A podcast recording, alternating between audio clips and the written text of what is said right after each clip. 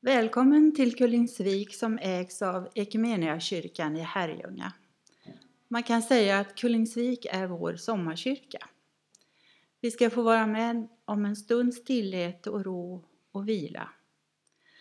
Vi har ju sedan en lång tid tillbaka lärt oss ord som statsepidemiolog, social distansering och covid-19. Alla dessa tre ord har vi fått förhålla oss till på olika sätt och det har också påverkat våra liv på olika sätt. Det är bland annat därför vi idag samlas digitalt och inte möts till gudstjänst på traditionsenligt sätt. I dagens andakt medverkar församlingens pastor Klas-Göran Ahlbom. Ehm, Christer Mellåker och Mats Blomberg ansvarar för sång och musik. Och för dagens inspelning och ljud svarar Elin Alavik och Leif Backman för. Själv heter jag Elisabeth Blomberg. Temat för dagen är nådens gåvor. Och då ska jag börja med att läsa ett inledningsord som är hämtat från Lukas evangeliet 9, 46-48. Lärjungarna började undra vem som var den största av dem. Jesus som visste vad de tänkte i sina hjärtan tog ett barn och ställde det bredvid sig och sa till dem. Den som tar emot detta barn i mitt namn, han tar emot mig. Och den som tar emot mig, han tar emot honom som har sänt mig. Ty den som är minst av er alla, han är stor. Vi ska be. Gud, vi tackar dig för våra församlingar, vår hembygd och för människors olika gåvor. Hjälp oss att se det goda i varandra och se på vår medmänniska med dina kärleksfulla ögon. Hjälp oss att leva förenade med dig, vända mot världen och öppna för varandra. Tack för att vi får vara dina barn. Och låt oss ha barnet som vår förebild. Var som med oss idag och välsigna ditt ord och sången och musiken. Amen. Så får vi lyssna till musik och sång av Christer och Mats.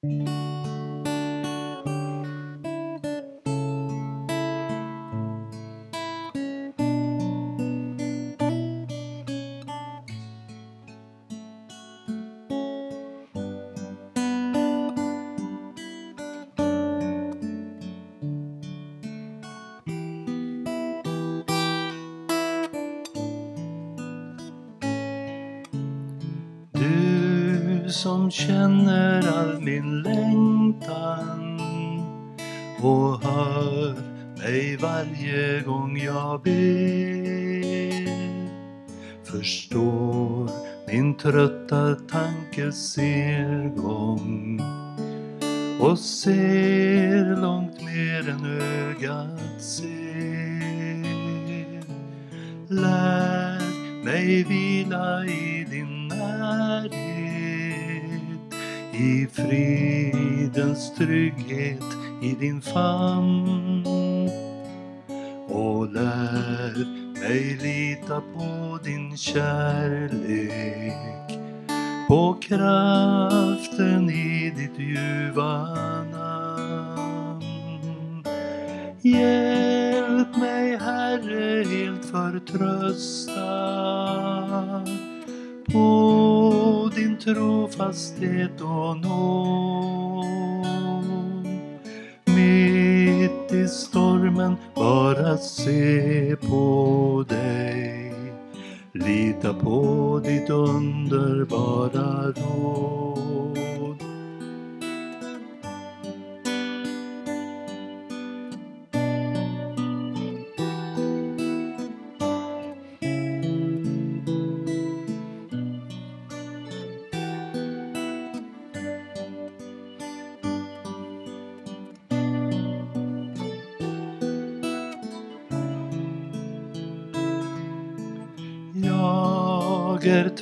Och svag av färden och orkar inte gå ibland.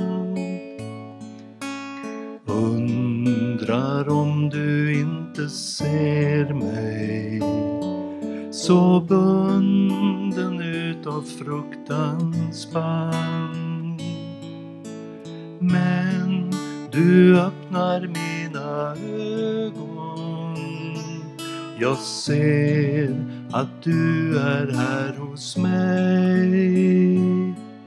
Du löser mig från allt som tynger. Jag vilar stilla nära dig. Hjälp mig Herre helt förtrösta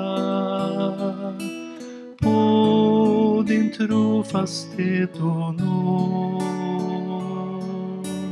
Mitt i stormen bara se på dig. Lita på ditt underbara råd. Hjälp mig Herre helt förtrösta på din trofasthet och nåd. Mitt i stormen bara se på dig. Lita på ditt underbara råd.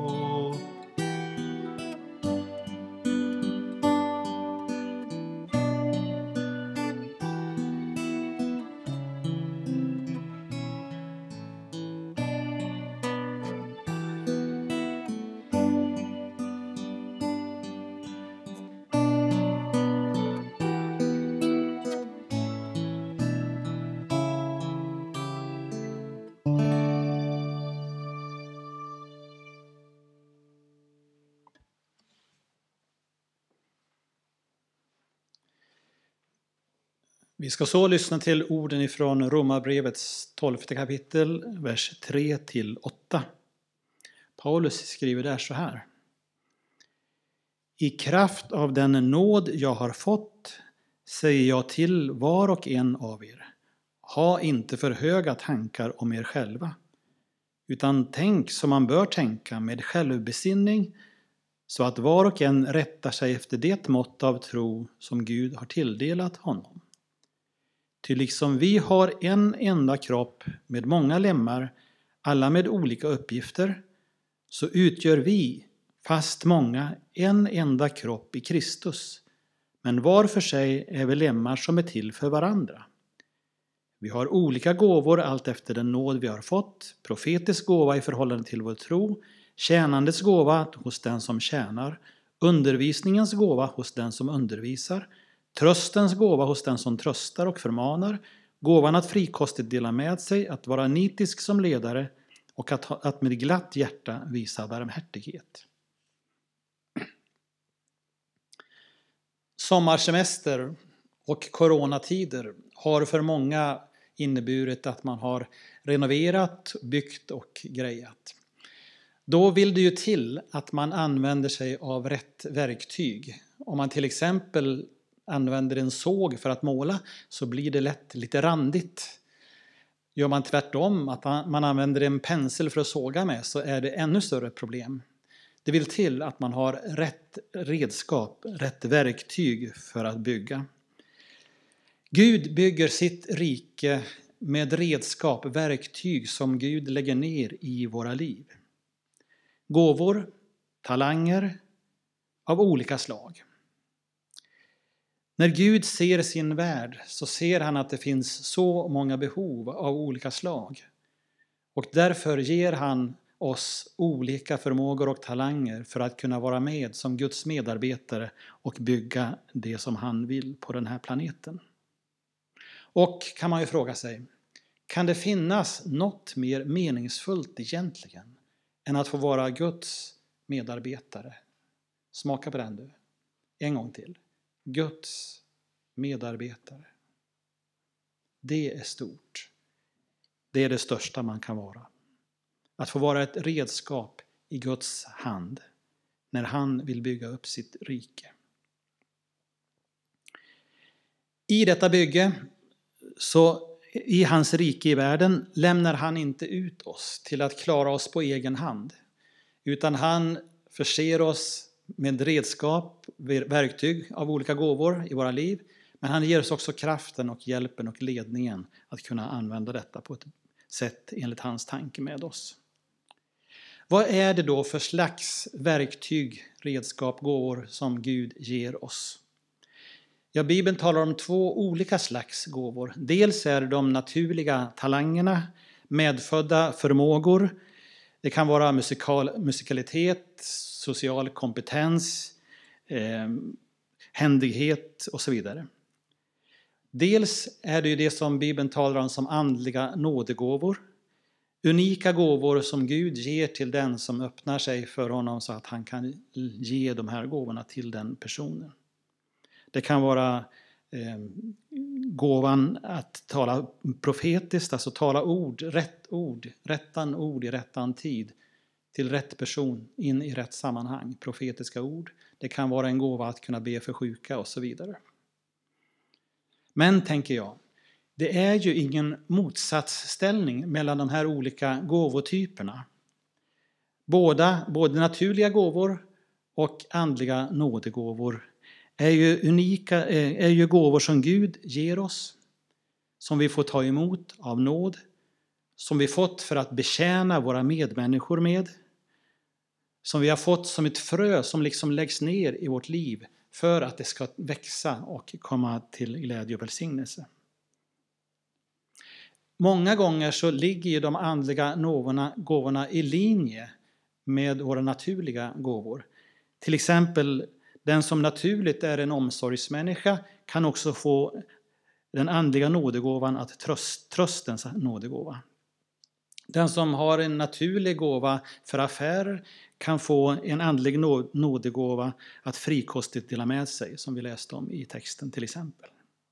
För mig så är det inte särskilt viktigt att peka ut exakt gränsen vad som är den ena eller den andra sortens gåva. Det viktiga är det är gåvor från Gud som vi fått för att betjäna våra medmänniskor med. Vilka gåvor finns det då? Ja, när det gäller naturliga gåvor så finns det ju massor med olika slags gåvor, eh, ibland av det mest märkliga slag. Den så kallade Rain Man, Kim Peek heter han, kunde till exempel eh, Eh, han var en savant med speciell, speciella förmågor. Han kunde till exempel läsa böcker på så vis att vänster öga läste på vänsteruppslaget, höger öga läste på högeruppslaget. Så kunde han skanna böcker så här, sida efter sida. Och dessutom så hade han förmågan att veta exakt ordagrant vad som stod i böckerna. Så att det sägs att han kunde ungefär 12 000 böcker utan till. Ehm, däremot så hade han inte förmågan att kunna knäppa knapparna i sin skjorta och sociala kompetensen var inte heller på topp så. Och så där är det ju för oss alla. Eh, kanske inte så att vi, vi kommer ihåg innehållet exakt i 12 000 böcker, men att vi har olika starka och svaga sidor, olika gåvor som eh, Gud har lagt ner oss och annat som det inte är tänkt för oss kanske att vi ska ägna oss åt.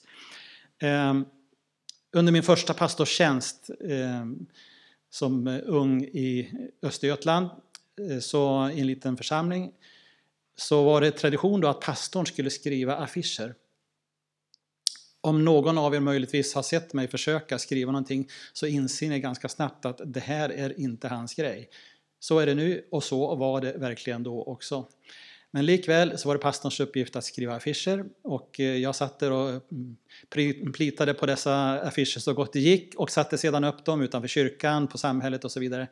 Och så här efteråt så kan jag fundera på, var det antagligen inte så att fler skrämdes bort från kyrkan än drogs till kyrkan av dessa eländiga affischer som var så fult skrivna? Jag vet inte. Men eh, kort sagt, det var inte min grej. Eh, det finns andra som är mycket bättre på sådana saker. Och då tänker jag, eh, eller ska vi fortsätta och säga så här då, att så att det finns ju massor med olika talanger, förmågor, medfödda och så vidare. När det gäller de andliga nådegåvorna så finns det i Bibeln en, ungefär 20 stycken uppräknade på lite olika listor så här. Eh, jag ser det inte som en slutgiltig lista utan det är exempel på andliga nådegåvor som Gud ger oss. Men hur ska då dessa gåvor kunna komma i funktion?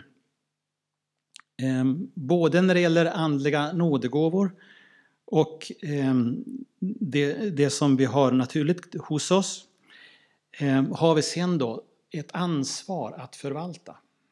Det som Gud lagt ner i oss får vi sedan eh, förmera, växa i, kanske gå en kurs, träna, utveckla och så kan vi, det får blomma ut och växa fram och bli mer och mer till glädje och eh, funktion i våra med, till tjänst för våra medmänniskor och till Guds ära. Och då handlar det om att lyssna in Gud, lyssna in sina medmänniskor, kanske samtala, att söka. Vad är det som är min grej? Vad är det som Gud har tänkt med mig? Vad är det som Gud lagt ner i mig? För att finna ut vad som är just mina gåvor som Gud har tänkt för mig. Några viktiga frågor i det sammanhanget är de här. Vad är det för passion jag har? Vad är det jag brinner för? Vad är det jag längtar efter? Vad är det som är viktigt för mig? Antagligen kan man söka gåvorna i, i linje åt det hållet, för det man brinner för. Och när man finner det som är min grej och det som Gud har tänkt för mig, då blir det ju också så mycket mer roligt, så mycket mer glädje i och så mycket bättre när jag får tjäna med just de gåvorna som är mina gåvor och min grej. Allting blir så mycket bättre i det läget. Men ingen är ju bra på allting, men alla är faktiskt bra på någonting. Och alla behöver behövas.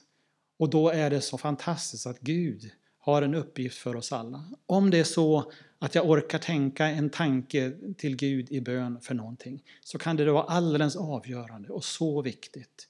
Gud behöver var och en utav oss på något vis. Vi behövs allihopa. Gud har en uppgift för oss var och en och Gud har lagt ner någonting hos oss. Så när det gäller gåvorna i ditt liv både de naturliga gåvorna och de andliga nådegåvorna, så leta reda på dem. Släpp loss dem. Låt dem blomma friskt och härligt inför Gud och i tjänst för medmänniskor. Jag avslutar med den lilla berättelsen som Bruce Bugby har skrivit om texten om djurens skola. Han skriver så här. Inte långt efter skapelsen startade djuren en skola. De ville ha den bästa skolan, en som erbjöd sina elever ett brett utbud med simning, löpning, klättring och flygning. För att klara examen var alla djuren tvungna att klara alla kurserna. Ankan var strålande i simning, faktiskt bättre än sin lärare. Men han klarade sig knappt i klättring och fick dåliga betyg i löpning. Ankan var faktiskt så långsam i löpningen att han blev tvungen att stanna kvar efter skolan varje dag för att träna. Men inte ens det gav stor framgång. Löpningen gick däremot illa åt hans fötter med simhud och därför fick han bara medelbetyg i simning. Att få medelbetyg i simning tyckte de andra var helt okej, okay, så ingen bekymrade sig speciellt mycket över det, utom Ankan. Kaninen var klassens stjärna i löpning. Men efter ett tag fick han kramper i benen efter all tid han tillbringade i vattnet med att försöka förbättra sin simning. Ingen slog ekorren eh, i att klättra, men han var ständigt ur gängorna när det kom till flygningen. Hans kropp blev så misshandlad av alla hårda landningar att han inte lyckades allt för bra i klättringen heller. Örnen var hela tiden problembarnet. Hon fick hela tiden utskällningar för att inte anpassa sig. I klättringen till exempel vann hon varje gång, men hon fuskade eftersom hon hela tiden tog sig dit på sitt eget sätt. Vart och ett av djuren hade sitt specialområde. När de gjorde det de formats till var de oslagbara. När de försökte sig på andra saker var de inte speciellt duktiga. Kan ankor springa? Ja, visst. Men är det löpning de ska ägna sig åt? Får vi lyssna till Mats och Christer här igen.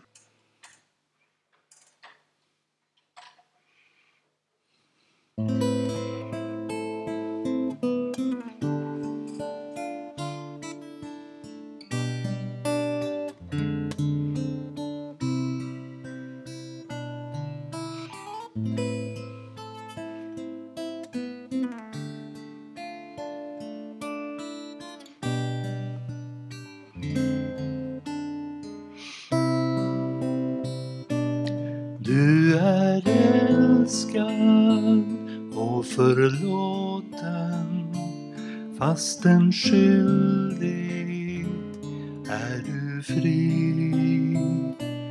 Du får vila i Guds kärlek. Det som varit är förbi.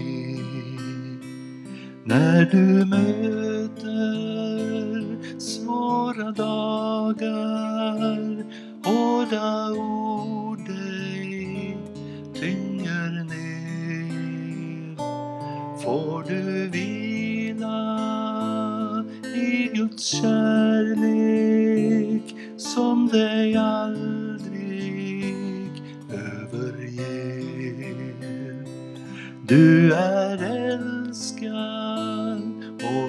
förlåten fastän skyldig är du fri.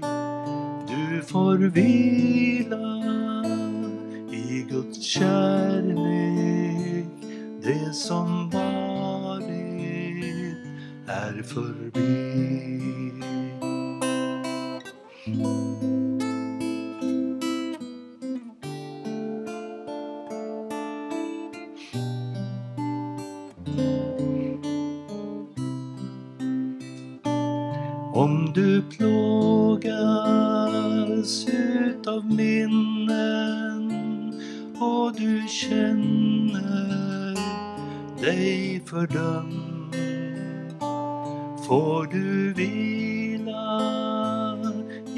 Guds kärlek för du vet din synd är glömd. Du är älskad och förlåten fastän skyldig är du fri. Du får vila i Guds kärlek. Det som varit är förbi.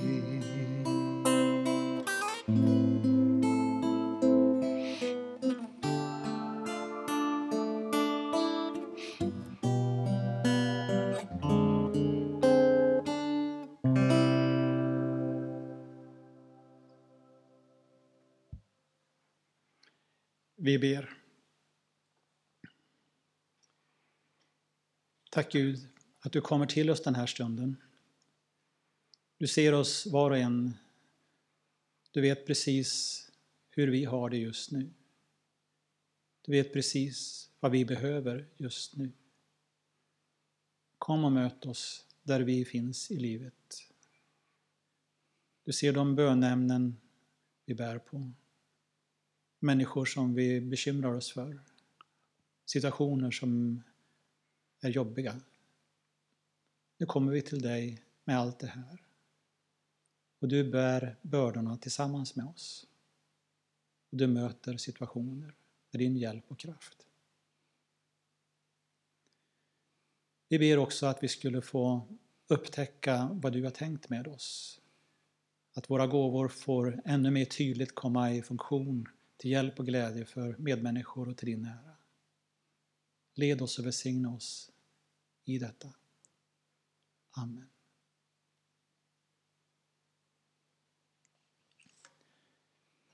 Så ta också emot Herrens välsignelse. Herren välsignar dig och beskyddar dig. Herren låter sitt ansikte lysa mot dig och visar dig nåd. Herren vänder sitt ansikte till dig och ger dig sin fred och frid. I Faderns, Sonens och den helige Andes namn. Amen.